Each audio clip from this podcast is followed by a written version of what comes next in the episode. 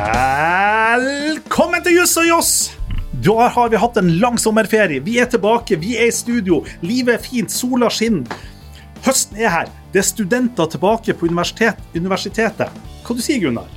Du har jo nå tatt og sagt så mye at jeg er jo nesten eh, stum og målløs og jeg villreder hva jeg skal si. Men én ting er sikkert, at eh, vi er i hvert fall eh, tilbake, og vi er klare til å gi våre lyttere nye hoderystende opplevelser og eh, skeive dypdykk i jussens verden. Men eh, har vi noe å fòre våre sultefòra lyttere med i dag, Marius? Ja. Jeg har, eh, jeg har vært og, og, gjort sånn som du har brukt å gjøre. Jeg har liksom søkt, i, søkt, inn i tingrettenes eh, vidunderlige verden av morsomme faktum. Og jeg skal snakke om eh, patentrett og varemerkerett og, og verdibaserte vurderinger. Det høres jo, jo, jo, jo, vakkert ut. Hvor vakkert det blir, det vil fremtida de neste minuttene viser. Ja. Jeg for min del har tatt og vært uortodoks og har funnet en, en, en høyesterettsdom fra 1933 ah. om en kar som la ut i båten sin, og så gikk i land på ei øy, og så tok han og sa denne her øya, den har jeg lyst på. Nice. Og så får vi besøk av Tove Wulf Nilsen, som holder på å skrive om terrorisme. Så eh, vi kaller henne Terror-Tove i dag. Mm. Forhåpentligvis vil vi ikke terrorisere henne med spørsmålene våre, men heller ha en fin samtale om hva er i all verden egentlig hun skriver om. Yes. Beklager. Gjesten vår kunne dessverre ikke komme. Da begynner jeg på min dom. Og det her, saken her det gjelder sletting av varemerkeregistrering, overføring av internettdomene, MySpace-profil og endring av foretaksnavn. Samt krav om vederlag og erstatning for inngrep i det innarbeidede varemerket Gorgorot. Mm. Vi er liksom da tilbake på en tingrettsdom fra Oslo tingrett i 2009. Og det, den innledninga der, den sier jo ingenting. fordi at det underliggende spørsmålet i saken er hvem eh, det underliggende spørsmålet i saken er hvem i et uregistrert og ikke avtaleformalisert black metal rockeband som er innehaver av bandets innarbeidede navn og var varemerke. Når de to senest opptatte medlemmer ikke lenger vil arbeide sammen med det tredje opprinnelige bandmedlem, og begge grupperingene ønsker å fortsette bruken av det innarbeidede varemerket. Gorgorot. Gorgorot. Mm. Altså, altså, for å bare ta faktum. altså Du har da en kis, eh, og han heter og han heter Infernus. Mm. Ja. Han Infernus han starta da opp black metal-bandet, eller ja, black metal-rockebandet Gorgorot. Um, og Han har da med seg noen folk på det, og så skjer det på en måte utbyttinger av folk i det her bandet. Og så kommer da inn de to nye, det er han Gal og han King. Mm. De kommer da inn, og så spiller de sammen i det her bandet i en fem, seks, syv år. Og det er et ganske stort band som liksom drar på europaturné, og det, det, er på en måte business, det her. Og så oppstår det da en tvist mellom han Garl og han King på den ene sida, og han Infernus på den andre sida hvor de da har et, da har et møte, hvordan, hvordan Garland King innkaller han Infernus til møte, og hvor de så splitter seg opp igjen. Og hvor han Garland King de fortsatte da bandet Gorgoroth, mens han Infernus han tar da rettslige skritt for å stoppe de her to karene. Mm, så trekker hvordan... dem inn i et inferno av Nemlig. Nemlig. Og den, og den, dommen her, den, det er jo på en måte foreningsrett og, og sånn her, og, og det dreier seg om liksom eksklusjonsregler og sånn. Og det, og det er litt liksom kult, fordi at den dommen her, det viser hvordan man på en måte får en sånn twist du har et sånn, litt sånn undergrunnsband hvor man på en måte knytter seg til de satanistiske verdiene, og hvor det på en måte er gutter Det begynner med gutter som har, bare har det artig og gjør ting uformalisert, og så plutselig så begynner det å bli penger ut av det, og plutselig så spinner det på seg, så er det europaturneer. Og så har man ikke et avtaleverk, og så oppstår det konflikter. Og så kommer jussen inn og skal løse opp i det her. Og hvordan gjør jussen det her? Det er liksom saken.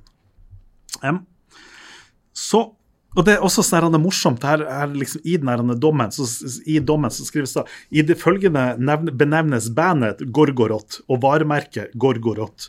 Altså, Hvordan skal dommeren skille på det? Jo, bandet det er skrevet med små bokstaver, varemerket er skrevet med store bokstaver. Ja, For at dommeren skal være ryddig.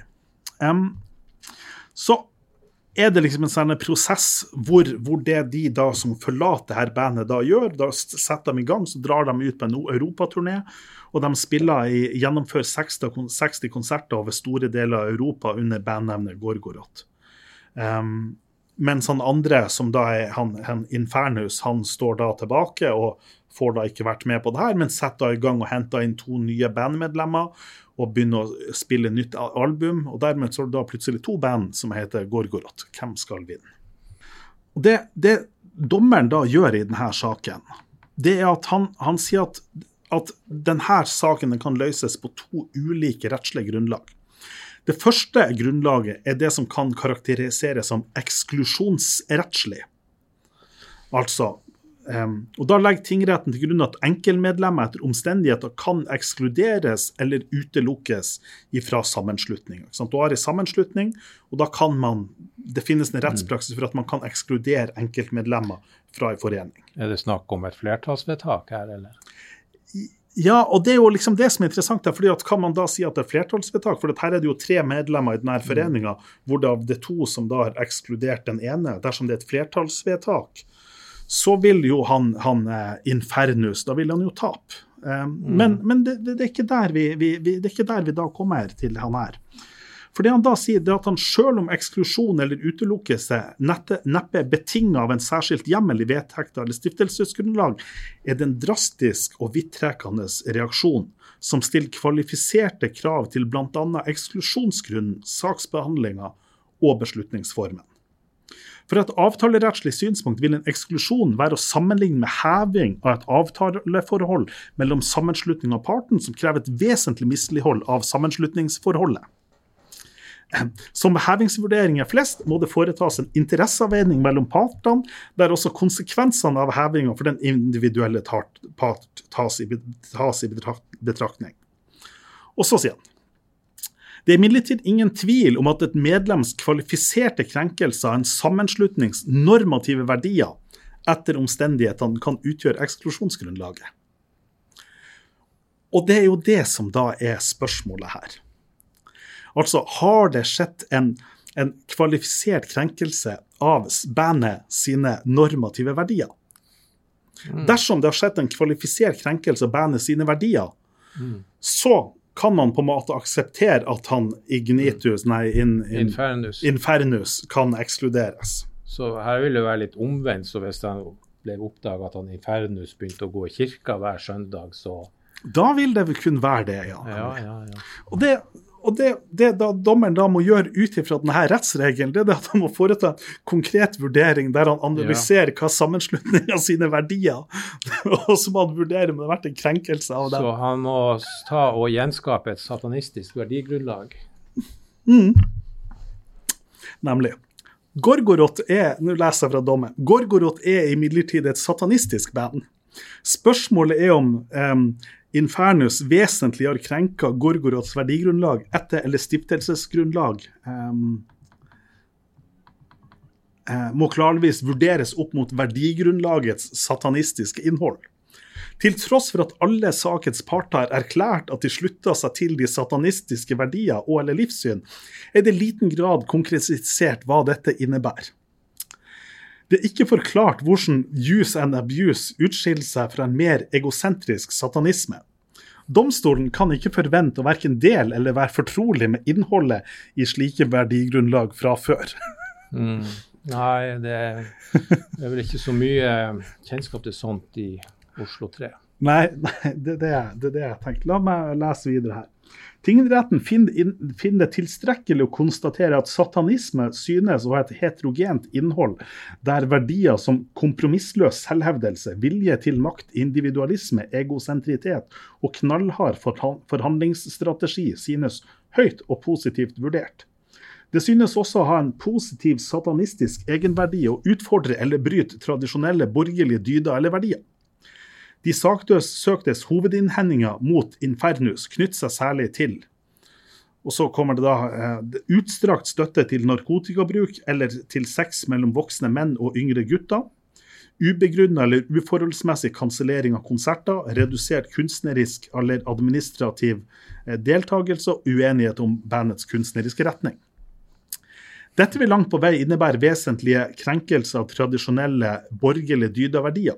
Tingretten finner imidlertid ikke at Infernus derved også har krenka Gorgorots satanistiske verdigrunnlag på en så vesentlig måte at det foreligger eksklusjonsgrunnlag. Hmm. Det er så vakkert! Det, det er jo eh, en fin måte å, å, trenge inn i et slikt salig Gorgorot som det her var. salig Gorgoroth, ja, nemlig. Ja, fordi at, altså, for det, det, han da gjør, altså han oppstiller da denne regelen, er det et avvik fra verdiene, og så sier han på en måte hva er verdiene, og så ser han hva er det som er den anførte krenkelsen, og så ser han det at jo, denne anførte krenkelsen det er jo basert på hva han kaller det, borgerlige, borgerlige dyder og verdier. Mm, mm. Men så sier han det at men ut ifra et satanistisk verdigrunnlag så kan jo ikke dette være en krenkelse. Og dermed så taper dem på den. Ja, ja, ja. Men her må det jo, eh, her må det jo kanskje ta og trekke fram eh, eh, de her restgorgorot-guttene sin advokat. Ja. Burde, burde, ikke han ha kvalitetssikra det her og, og prøve å også selge inn Infernus et mislighold gjennom hva vi sier, forskjellen på på, på, satanistiske og borgerlige verdier kontra det motsatte som han eh, burde, burde, ha gjort? Ja eh, Man kan på en måte kritisere det, men, men ja. Jeg syns at, at, det interessante er at dommeren tar en konkret verdivurdering basert på de mm, mm. satanistiske verdiene. Ja, det er jo sannsynligvis eh, riktig, men det tar å forbause meg da. Ja. At Men, advokaten gjør en sånn blemme. Sånn blemme og sånn. For noen år siden så var det en, eh, en eh, TV-reklame som tok og eh, det der på, på, på kornet. Det var et sånt, for et vaskemiddel. Og det var et sånn black metal-band. Og eh, så var det ene medlemmet som var ille ute, for han hadde vaska T-skjorta si. De andre hadde kålsvarte T-skjorter og var black metal-band. Og så rista de på hodet og sa T-skjorta var blitt grå. That's not black, that's charcoal. Look, look, man, it's just not working out. We've got our image to think about, yeah? You don't fit in, man. Now look, we're called Black Snake, right? Yeah. So we like we like black, a and you, you're kind of charcoal. Yeah, charcoal. Yeah, charcoal. Persil Colour with its stain release system is bleach free, getting your clothes beautifully clean without bleaching out the colour. So that's it then. I'm out. Sorry, mate. That's rock and roll. Nemlig. Jeg husker den der. Så det, det, det hele settinga oste at det her var altså en, en, en, en krenkelse i et annet verdihierarki ja. enn normal. Jeg tenkte Den der reklamen, det må jo, være, det må jo ha lest denne dommen. Det må jo det. Må jo, må jo det. det. må jo være kobling her. Ja. Men, men for, å, for, å, ta, fordi at Innledningsvis så sier man at det er to eksklusjonsgrunnlag på den her. Men det som, men det som også er, er, problemet i denne saken, som er de her to karene som da går ut herifra Det som er problemet, det er det at han, han Infernus det er jo han som har starta opp bandet og, og, på en måte bygd det opp. Og på det tidspunktet hvor de to andre karene begynte i bandet, så var det allerede etablert som et varemerke.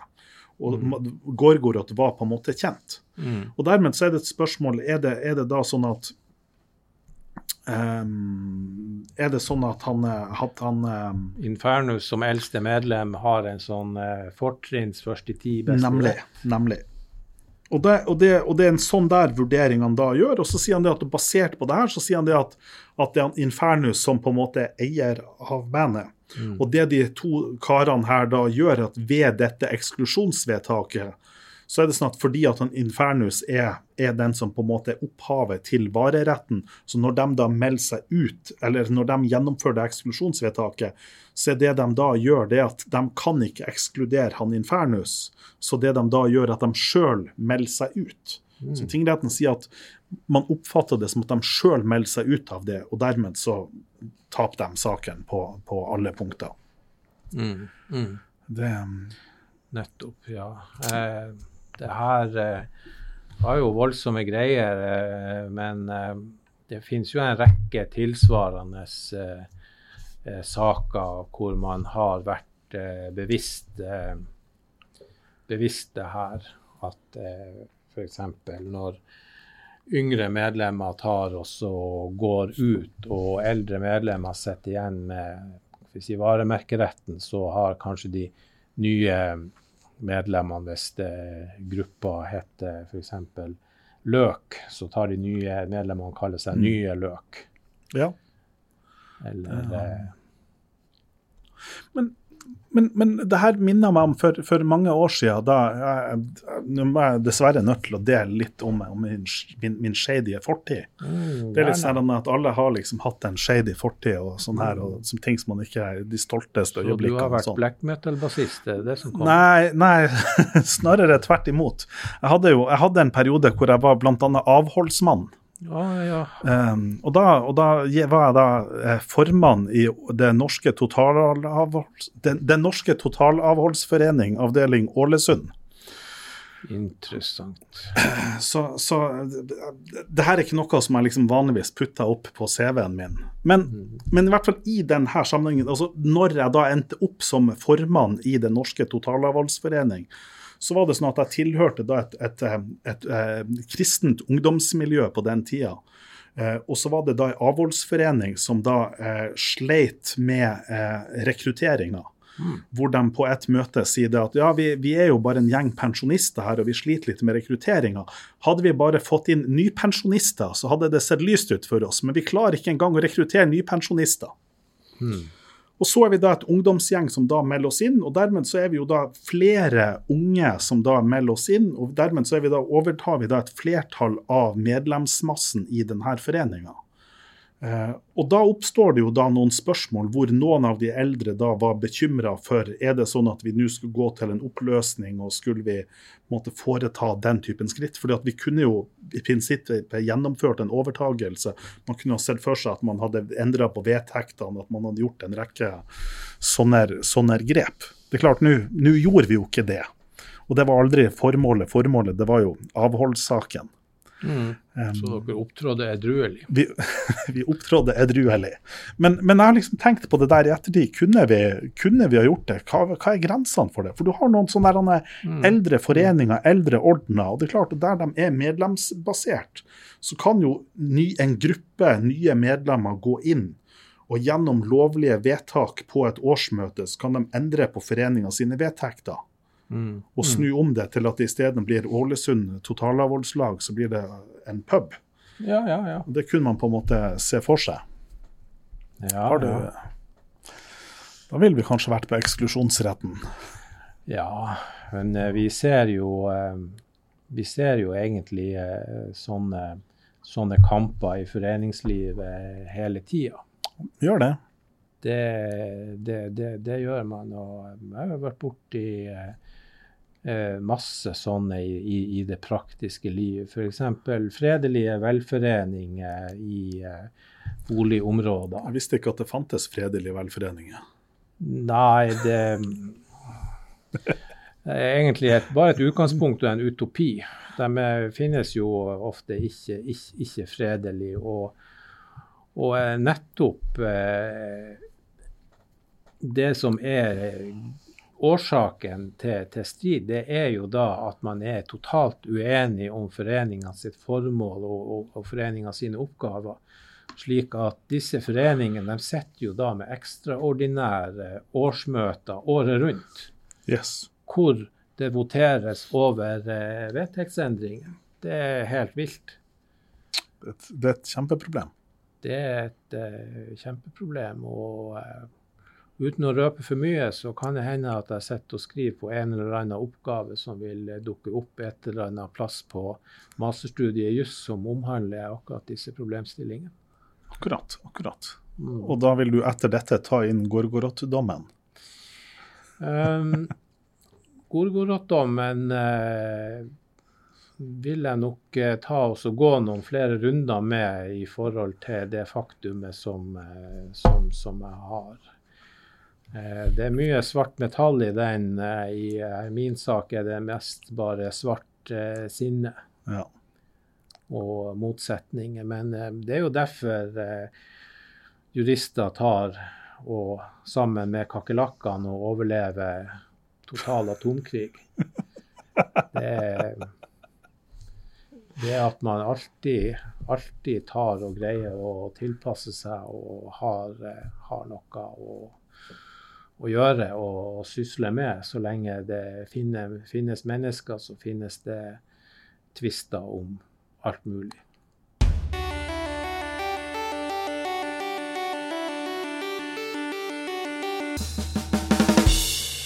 Da skal vi over til spørsmålet. Ja. Har- Har vi eh, fått noen eh, spørsmål? Det har jo vært sommerferie, og jeg går jo også ut fra at lyttere nå tar og har hatt ferie. Ja, de, de har nok det. Men har, det har dukka opp ett spørsmål. Og, og når vi da sier det her, hvis det er noen dere lytterne som har noen spørsmål, så er det bare å sende til oss. Send til oss på, på e-post, på Facebook, på Twitter. Bruk, bruk de kanalene som eh, dere ønsker. Vi, vi prøver å sjekke så ofte vi kan. Men spørsmålet som er kommet inn. Det var en kollega av spørreren som klaga og gikk ned én karakter på en bacheloroppgave, og enda en ned på muntlig, og endte da på en E. Og en E det er ganske kjipt for en nyutdanna person, skriver da vedkommende. Og så er det da finne slags ombud eller hjelp for, så, for sånne til å finne ut om det er mulige formelle feil.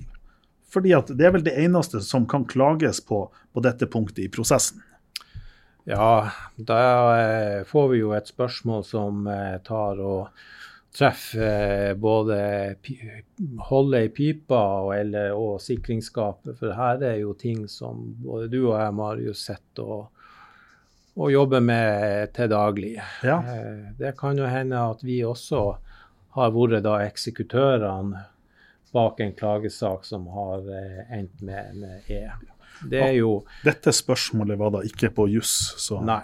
så da nei. er vi Det, det, det er ganske klart allerede av den årsak av at vi ikke har bachelorgrad i juss. Ja, ja, selvfølgelig. Selvfølgelig. Men Det altså eh, eh, At det er en bachelorgrad, så tyder jo det på at det kan være da en, eh, en avslutta eh, utdanning. Ja. F.eks. Eh, eh, førskolelærer eller sykepleier er jo Ja. begge bachelorgrader. Og bacheloroppgaven er jo den avsluttende oppgaven og selve svennestykket. Og det er jo på generell basis det er jo ille også å få en dårlig karakter på den, og ekstra ille når man da, hva vi si, eh, har vært av den oppfatning at denne oppgaven eh, La oss si den fikk C, at den var så bra at man klager for å få en B. Mm. Går så ned til en D, som jeg forstår, og så etter muntlig da rause ytterligere ned og sitter igjen med en E. Ja, Da, det, det, det er som å finne en bæsj i postkassen. det, det er det. Du, du, Ja. da Ja, men det som jo har skjedd, er jo at studenten har eh, brukt hva vi sier, sin adgang avgang til å klage på, på resultatet og fått en ny selvstendig overprøving av eh, og vurdering av oppgaven. Så eh, den eh, eh, delen av, eh, av, av prosessen er jo da avslutta med det. For det her er jo snakk om Ja. da faglige vurderinger i andre instans i klagen. Men eh, vedkommende har jo da adgang til å klage over at det har f.eks. skjedd en, eh, en eller annen form for formell feil. mm. Altså en feil som har tatt oss og påvirka, eh, påvirka bedømmelsen. Ja. Så eh, Men det skal jo litt til å klare å grave opp den formelle feilen. Det, Ja. du, du, du skal jo ha litt kreativitet der. Det skal jo det. Skal jo det og, og det kan jo være f.eks. da forhold eh, omkring avviklinga Ja. av selve eksamen. Ja. Eh, det er jo ingen sånne ting som tyder her på at noen ytre forhold har tatt og, og, og spilt inn. Men jeg satt og lurte på om er det ikke fordi at du har jo noen særlige klagefrister. Og jeg tenker at I det her forholdet så er det sånn at hvis man da ser for seg at det har vært et eller annet formelt forhold under selve eksamensviklinga, og så klager vedkommende på karakterfastsettelsen, og Ja. da går jo tida, og så blir det muntlig eksamen. Er klart at Hvis den da etter den endelige karakteren på muntlig eksamen så skal klage på noen formelle forhold, kan man ikke tenke seg at den klagefristen for det har løpt, eller? Vet du noe om det? Ja, jeg, var, jeg var borti en eh, sak som eh, tok oss og, og så gikk på, på det motsatte. Og eh, der kan, kan jeg være såpass åpen at jeg var en av to sensorer på en muntlig eksamen. Og eh, kandidaten eh, som kom inn, hadde jo fått en foreløpig karakter og snakka, men ble stående. Gikk ikke opp. Kandidaten hadde forventning om å gå opp, og tok da og eh, klagde på eh, formelle feil mot meg og medsensoren at vi hadde tatt og spurt uh, utafor pensum, og at vi hadde vært eh, overlegen og, og ja, forskjellige andre ting. Eh, studenten fikk ikke eh, medhold i eh, klagen på formelle feil, og valgte etter å ha tapt den saken å klage på selve karakteren. Ja. Og eh, det hører med til den historien, det er jo litt sånn karma i det her, at eh, etter å ha klaga, så fikk eh, kandidaten da foreløpig karakter B. På, eh, Og det var ett hakk bedre, eller? det var ett hakk bedre. For eh, hos oss opprinnelig så fikk kandidaten C etter den skriftlige og ble stående på C etter muntlig. Men etter klage her fikk kandidaten B på den skriftlige, men kom så inn til muntlig og ble satt ned til C. Etter So much for nothing. Det, det her var en sak som rullerte på sånn ni måneder. Oi. Så hun hadde eksamen eh, i juni med meg og en annen som ordinær sensor, og fikk endelig avgjort sin klage i mars år påfølgende år. Det er ganske, det er ganske kjipt. Og da å Det møte opp en muntlig eksamen så lenge etterpå, Ja. det er sånn å klare å holde det, det, det. Det er det. Er det. Så det er formell feil som er eh, hva man skal si eh, håpet i hengende snøre, men da må du da må du ta og finne at det har skjedd noe som faktisk er feil med eh, avviklinga av, av eksamen. Og hvis det ikke er noe ytre feil, så kan det være da at man kan prøve seg med at, eh, at f.eks. klagesensorene under muntlig, at de eh, tok og, og behandla deg på en, på en dårlig måte som gjorde at du ble eh, satt ut. At de spurte utafor pensum, eh, et eller annet som ikke går på, på det sånn rent faglig. faglige. En slik klage har alle universiteter og høyskoler har en sentral klagenemnd Ja. som tar oss og eh, behandler. Men jeg hadde, jeg hadde en sak i sommer eh, hvor, hvor jeg var sensor på en, på en sak, hvor, på, altså på en eksamen, og hvor eh, studenten da klager, og hvor den nye kommisjonen så vurderer til at kan, kandidaten da skal ha to karakterer eh, bedre. Og det som da skjer, er, er da en rutine. Da settes da de her to kommisjonene sammen. Og det, som, det som, eh, og det jeg da gjorde i denne saken, da gjorde jeg jo det man da skal gjøre. Da satte jeg meg ned og så leste jeg gjennom denne oppgaven på nytt. Og så leste jeg den grundig og godt og foretok en ny selvstendig vurdering.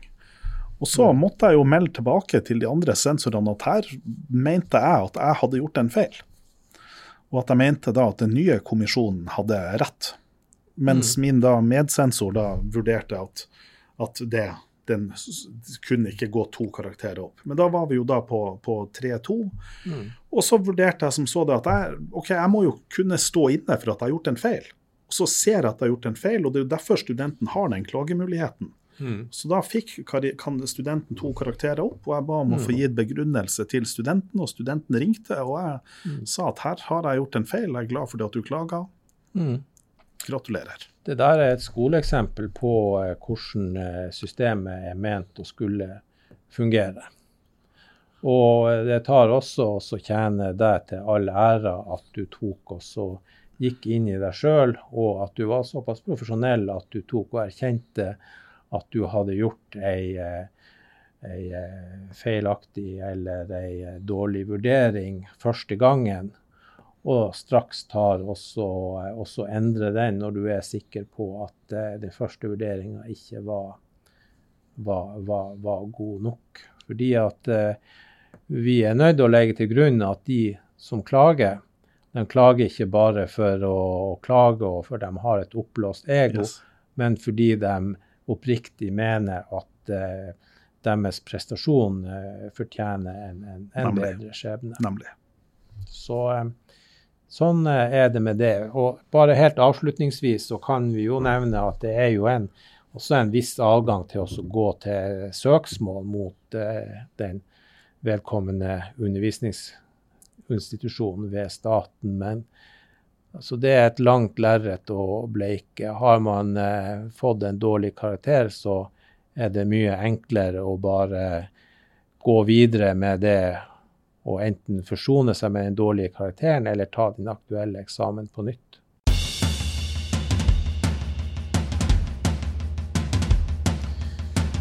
Ja, Marius, da eh, har vi kommet fram til, til min dom. Og eh, det var jo en eh, grensesprengende opplevelse å ta oss og høre om verdihierarkiet i eh, svartmetallmiljøer. Og eh, det slår meg jo at eh, min dom er jo en tørr pinne i, i forhold. Og jeg som trodde at jeg endelig hadde funnet noe morsomt og underholdende. Men eh, vi får prøve å selge det inn. Og passelig intro til det her er jo eh, Seks. Seks. Ja, hadde nå enda bare, bare vært, så, vært så bra. Så eh, jeg tror ikke den mest kreative hjerne i verden kan ta oss og finne noe å seksualisere med denne saken. Dessverre, dessverre, Marius. Vi, her må vi gjøre, legge mye mer ned i kommende episoder hvis vi skal eh, få noe i den kategorien. Men vi kan ta og tenke på barndommens lesing av Donald. og Donald var jo, eh, opptrådde jo i alskens eh, skikkelser, både historiske og kontemporære. Og, og eh, en av hans mange roller var jo da at han eh, var i en eller annen historisk setting og var en oppdager og sjøfarer. og Titt og stadig eh, så kom jo han, han Donald da som oppdager over ei øy som ingen før hadde funnet. og man tok og gikk i land i, og Ja. så tok han og eh, erklærte at nå så var den øya kalt Donaldia, og den eh, var hans, eller hans oppdragsgiver som hadde finansiert eh, ekspedisjonen. Og eh, sånn, eh, disse tingene som går på okkupasjon av herreløse øyer og herreløst land, altså det er jo noe som er, ikke finnes eh, i dag. I dag er jo alt så å si eh, oppdaga land og territorium som ligger under en nasjonalstat. Vi kan jo ha hva vi sier, små rariteter som små holmer som eh, aggressive stater krangler om. Og vi kan òg ha vulkanøyer som eh, dukker opp, eller eh, sandatoller som eh, kommer og, eh, og, og går. Men eh, som ofte så vil hva vi si, disse eh, øyene ligge under noens eh, interessesfære eller faktiske sjøterritorium. Og det er ikke så mye spennende der. Men det har ikke alltid vært sånn. det har ikke alltid vært sånn. Og eh, en eh, lite kjent eh, sak i norsk eh, rettshistorie er det som vi kaller den såkalte Jacobsen-saken fra 1933. Og litt av forhistorien. Det handler om vulkanøya Jan Mayen som ligger ute i eh, Norskehavet. Eh, Jan Mayen ble oppdaga på 1600-tallet og hadde en eh, rekke forskjellige navn. Deriblant eh, favorittnavnet av de tidligere navnene er Isabella. Så Jan. Mayen, eh, den er vakkert. vakkert. Men så endte det altså opp med å få navn etter en nederlandsk skipper Istedenfor Isabella. i stedet for Nei, det er helt meningsløst. Det er helt meningsløst. Jeg mener, Isabella, altså Bella, det betyr jo vakkert, og så har du is. Ja. Det er jo norsk for is. Jeg Det mener, er kombiner de to. Vakker is Ja, med, liksom norsk-italiensk. Vi, vi burde ta og kjøre inn Ja, et, eh, en e-post til Erna på det her. Det her er bare å få endra Grunnloven, for den står vel i Grunnloven, gjør den ikke det? Eller? Ja, Er ikke det under territoriet? Nei? ja, jeg er ikke så sikker på om det står i, i, i Grunnloven, men uh, det som er i hvert fall sikkert, er at det finnes en egen særlov om uh, Jan Mayen. Ja. Lov om Jan Mayen fra 1930.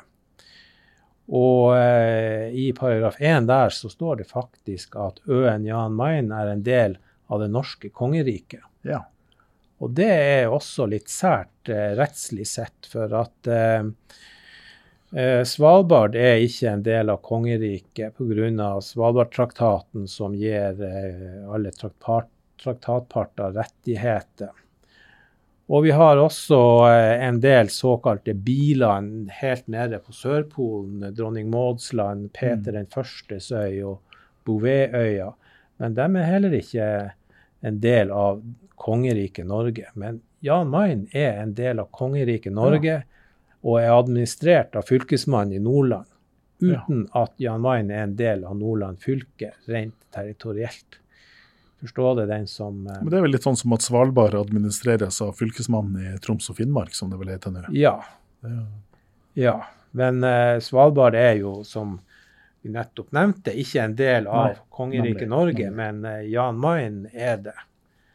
Slik at uh, Jeg bruker å nevne det i uh, tingrettsforelesningene mine, og så eh, tipser jeg da studentene om eh, tidenes quiz-spørsmål til slike studentsammenkomster. Og da er det quiz-spørsmålet å spørre eh, finnes det aktive vulkaner i eh, Norge.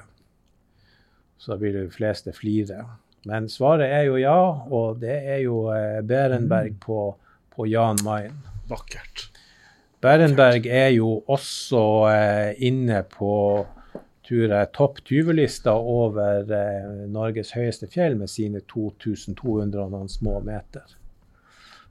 Nå nå- nå er jeg liksom imponert over dine Drillo-egenskaper her. Det, ja, man må jo eh, ha, ha faktumkunnskapene. Og eh, det er jo grunnen til at eh, denne her øya er vulkansk, er jo at den ligger ute i eh, grensen mellom Norskehavet og Grønlandshavet, altså på den midtatlantiske ryggen, som er, er grunnen til at Jan Mayen er vulkansk. Anyhow. um, det var da i 1921 så finnes det en eh, foretak som eh, skipper som heter Jacobsen. Jacobsen han vet at eh, på Jan Mayen så finnes det ei eh, gammel fangstmannhytte av en, eh, av en fangstmann fra Tromsø. Andersen het han, som hadde bodd eh, der og fangsta. Jacobsen han tar også kjøper den hytta hos han her eh, Andersen. Og det var det eneste huset på hele øya. Fast eiendom. Fast eiendom. Og eh, det gjør han da i eh, 1920.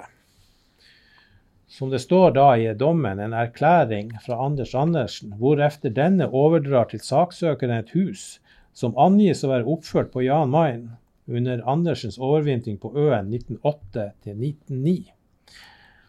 Og eh, med denne overdragelsen så tar han eh, Jacobsen og sender et brev til eh, Utenriksdepartementet hvor han sier at han, selv om han aldri satte sine bein på Jan Mayen, kommer til å også gjøre krav på deler av øya.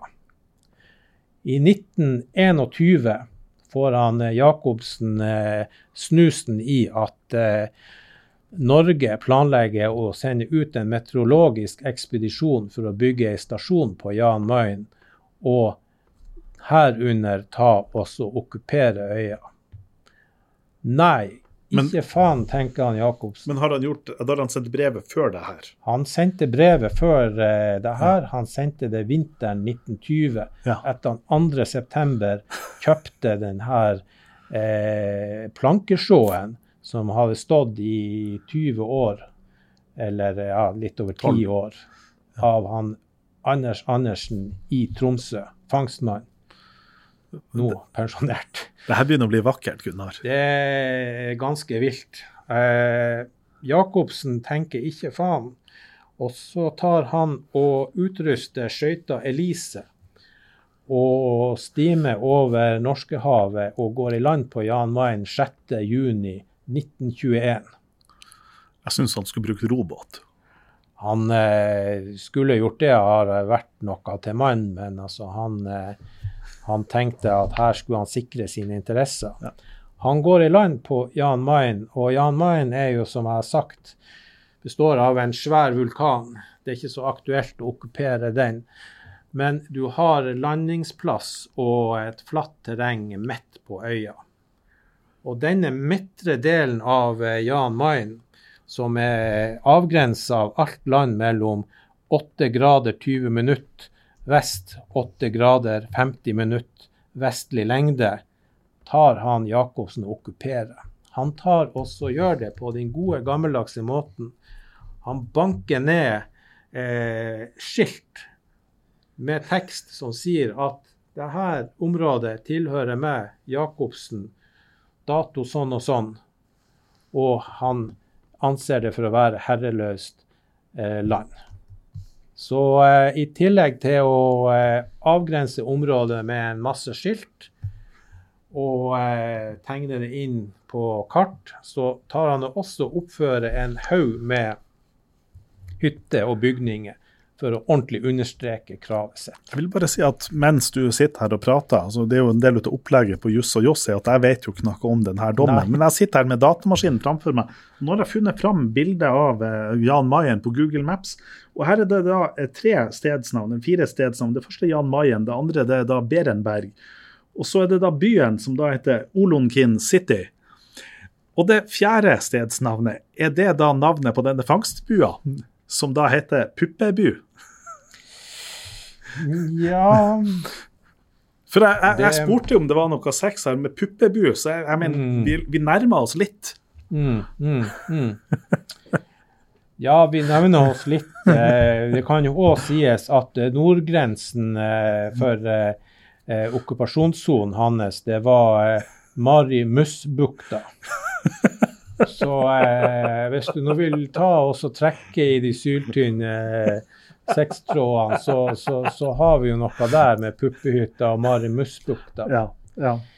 Men eh, la oss komme tilbake til, til saken, eh, og så får vi heller vaske hjernen din i grønnsåpe etter sendinga er slutt.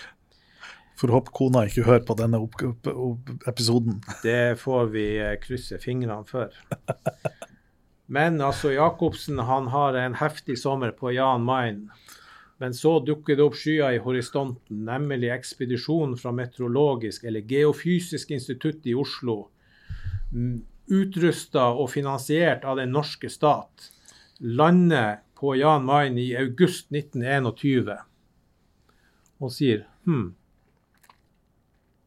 her er det folk, men det bryr ikke vi oss om. Vi har et oppdrag fra staten. Vi skal bygge en meteorologisk stasjon her. Det gjør vi. Og vi tar også og følger en lignende plan som han Jacobsen, nemlig at vi tar og okkuperer området. Og de begynner også å sette ned sine egne skilt. Og ikke bare det, de tar også da og forandrer teksten på noe av Jacobsen sine skilt. De tar også, har laga seg en liten sånn, sånn, sånn stort klistremerke, og så bare klistre over Jacobsen. Bort, bort med deg. Her er, her er Meteorologisk institutt. Okkuperer området på vegne av, av den, den norske stat. De blir det klarere for meg, de Donald-referansene dine Ja. innledningsvis her. De vifter vekk han eh, Jacobsen som ei eh, flue og, eh, og sier at eh, din okkupasjon er ikke gyldig. Vår okkupasjon på vegne av staten Norge må, må, må gå, gå foran. For at vi tar oss og representerer en slags sånn høyhetsrett. Vi, vi, vi har fullmakt fra, fra han staten. Og eh, ingen privatmann kan komme her og, og, og leke konge på, på, på Jan Mayen. Så eh, det som skjer, er jo at han eh, Jacobsen han tar og, eh, og kommer hjem ut på høsten. Og eh, tar også skriver på nytt da til, eh, til Utenriksdepartementet og gjentar eh, sitt krav. Eh, nå har da pipa en annen lyd, og eh, Jacobsen får ikke gehør for eh, det her. At han har okkupert den eh, brukelige delen av Jan Mayen. Det som eh, da videre skjer, er da at eh, Stortinget tar også godkjenner Meteorologisk institutt eller Geofysisk institutt sin okkupasjon.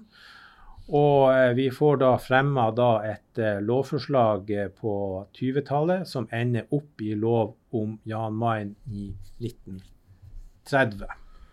Men det er jo en Dette jo, skjer jo etter det her. Så lov om skjer- tilbakevirkning, det er jo Nei, det, det skjer Det liksom etter det her, men altså statens holdning er at han, Jacobsen kan ryke og reise. Ja. Jacobsen er foruretta og går til saksanlegg da i 1929. Nemlig. når lovproposisjonen fremmes for Stortinget, som sier at øya er norsk og bare norsk. Eh, Jacobsen eh, taper i, eh, i, i første instans. Han taper i eh, Kristiania byrett.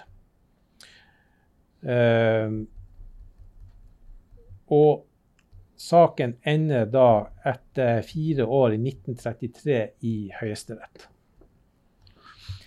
Og i Høyesterett så skjer det at under dissens så tar eh, Høyesterett og sier at Jacobsen sin okkupasjon er gyldig. Og den må gå foran. Og eh, jussen her, den er, den er så enkel at eh, barnehagebarn praktiserer den eh, ubesværa. Nemlig at det er jeg som kom først i sandkassen, og derfor så kan jeg sitte her og mokke. Høyesterett tar da og sier at Jacobsen, han var først, og de slår fast at Jan Mayen var herreløs land, terra nullius. Mindretallet i Høyesterett slutta seg til da flertallet i Kristiania byrett, hvor de mente at han Jacobsen hadde forlatt Jan Mayen og på de årene som gått, forholdt seg passiv og ikke gjort noe for også ta vare på det her kravet sitt. Sette i gang med noe virksomhet. Blårevfangst, som det var eh, snakk om, eller eh, gruvedrift, eller et eller annet. Men det er ikke flertallet enig i. Og flertallet tar også sier at grunnen til at man ikke kan tillegge Jacobsen sin passivitet virkning, var jo nettopp fordi at staten kom syklende inn og sa at nei, det her er det vi som har oppdatert. Ja. Det, staten hadde på en måte lagt kjepper i hjulene før han Jacobsen eh, kunne fritt utnytte den eiendommen, og at han ikke hadde gjort det, kunne ikke bebreides han. Men det her er jo, her er jo interessant, fordi at, fordi at liksom, her avgjørelsen er 1933. Og hvilke andre eh, okkupasjonsdom er det vi har i 1933? Jo, vi har jo Grønlandssaken for, i Haag mellom Norge og Danmark. Og i den saken så er jo det som skjer, er jo det at, er jo det at sant, i, i, altså Norge var på en måte en del av eieren, eieren til Grønland. Og så gjennom Kiel-traktaten i 1814 så får vi på en måte ikke blir det mist, Mista vi på en måte det. Eh, og så er det da Norge gjør på begynnelsen av 1900-tallet, at man da sender ut ekspedisjoner og skal okkupere Eirik den raudes land. Eh, Og hvor, hvor det oppstår en kjempekonflikt mellom Danmark og Norge på det her, mellom 1931 og 1933, hvor, hvor det ender opp med at Norge blir da dømt i, i International Court of Justice i Haag i 1933. Det er klart, og det er jo sammenfallende. Liksom, to dommer fra 1933 om okkupasjon av øya, der Norge der Norge på den ene sida argumenterer for at her skal man kunne okkupere, og den andre sier at man ikke skal okkupere. Det er Ja, ja, interessant. Det er veldig eh, interessant, eh, det her. Og um, jeg sa jo at det er jo ikke sånne saker eh, lenger. Alt er oppdaga og alt det der. Men vi kan jo trekke da en parallell til eh, f.eks. økonomiske soner og fiskerigrenser. Vi hadde jo så sent på 50-tallet fiskerigrensesaken eh, mot Storbritannia om hvor stor fiskerisone Norge skulle ha. Og Der tok jo Norge da og påberopte seg da at norske fiskere hadde vært og fiska i det området siden tidenes morgen. Og dermed, kan vi si, på en måte hadde okkupert eh, denne sonen på vegne av, av Norge og sånt. Og det er jo tingsrettslig, hva vi sier, litt sånn, med litt sånn flau smak i munnen når vi da ser at eh, fattigfolks eh, fiske blir påberopt som for at Norge skal få en stor fiskerisone, som de siden da har eh, bare solgt ut til, til noen store kapitalinteresser. Men Marius, denne saken den slutter ikke med eh, Jacobsen sin uh, seier i Høyesterett i 1933, noe som jo er oppsiktsvekkende. Vi, vi kan ta oss og uh, skru klokka fram til etterkrigstida, til 1949 ca. Ja. Da er han eh, gamle Jacobsen uh, død. Men eh, Jacobsen sitt eh, dødsbo tar og saksøker staten Norge på nytt. Og tar da i etterkrigskrone etterkrigskroner og krever 300 000 i erstatning. Det er mye penger. Ja. Og årsaken, grunnen til det, er at de mener at eh, staten Norge sin eh, okkupasjon, eh, som viser seg å være urettmessig, da har hindra han Jacobsen å gjøre penger på, på det her og drive næringsdrift. Ja. For at han eh, han satt jo riktignok med denne okkupasjonsretten, men i praksis så var jo eh, halve Jan Mayen som eiendom, det var ikke noe han fikk eh, notareiendom til å hogge i og få solgt. Den var i praksis uselgelig pga. av staten Norge sine, sine interesser. Erstatningssaken tapte dødsboet så det smalt. Etter, så vidt jeg husker, så var begrunnelsen at eh, det var ikke snakk om eh, økonomisk skade. Fordi at eh, det var ikke dokumentert noe, noe tap. Han hadde ikke satt i gang med noe. Eh, men hva vi si, det var jo den negative interessen eh, av at han ikke kunne sette i gang med noe som egentlig var anført. Men, men det, ble, det ble ikke hørt på det. Men, men hva er som er status med Jan Mayen i dag? Fordi at Det virker jo som at man på den ene sida har en Jan Mayen-lov som sier at Jan Mayen er det norske, altså en del av kongeriket Norge. Mens på den andre sida så ser det ut som at hele øya i hvert fall var privateid fram til 1949, ut ifra det vi vet her. Ja, det var jo en, eh, en slags sånn status quo-situasjon. For eh, Jan Mayen-loven fastslo jo allerede i 1930 at, eh, at øya var, var en del av det norske kongeriket. Og det kunne jo loven godt ta også, også fastsette, for at eh, til og med våre private eiendommer er jo en del av kongeriket Norge, så det er jo uproblematisk. Det er det. Eh, det som var problematisk, var jo at det de facto var en Jacobsen som, eh, som eide det som var, var verdt å ha, hvis ikke du syns det er stas å eie en vulkan. da. Eh, Men historien den slutter jo da utafor rettssalene, og det skal også min historie gjøre. Det, det ender med da, etter denne erstatningssaken, så ender det med et forlik mellom Jacobsen dødsbo og staten Norge.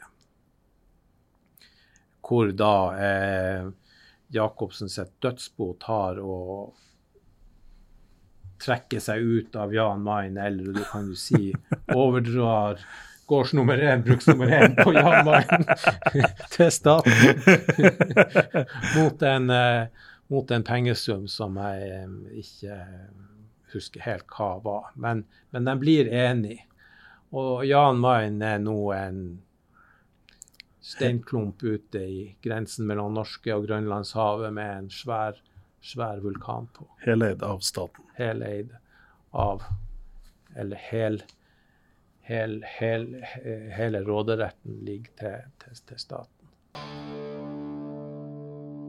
Beklager. Gjesten vår kunne dessverre ikke komme. Men du, Gunnar, skulle ikke vi ha en gjest nå? Ja, ettersom jeg jo har snakka noe i det vide og breie om eh, Jan Mayen, så kunne det jo ha passa å avslutte med en gjest på en eh, øde øy. Men eh, jeg kan ikke se noen her, og jeg tror nok at det ikke har kommet noen gjest. Det er jo tidlig i semesteret, og hvordan skal vi gjøre opp for det, Marius? Nei, vi får, eh, vi får eh, gjøre det opp til neste gang. For neste gang så kommer han Lars Fause. Og han er jo første statsadvokat, leder av statsadvokatembetet her her i eh, Troms og Finnmark, vil jeg vel tro at det er.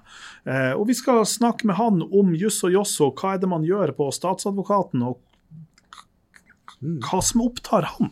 Ja, og eh, Lars Fause har jo eh, i en årrekke vært eh, statsadvokat, og han kan nok ta og gi oss mye informasjon både om true crime og hans tanker om eh, hva som er viktig i eh, strafferettspleien eh, framover, og hva slags kriminalitet som han ser er fremtidas eh, kriminalitet. Er det miljøkrim? Er det digitale forbrytelser? Er det Ja. Men hvis noen av dere lytterne har noen spørsmål som dere ønsker å stille til han eh, Lars Fause eller til, til eh, statsadvokaten, så fyr løs, meld inn spørsmålene. Og til neste gang, ta vare på dere sjøl.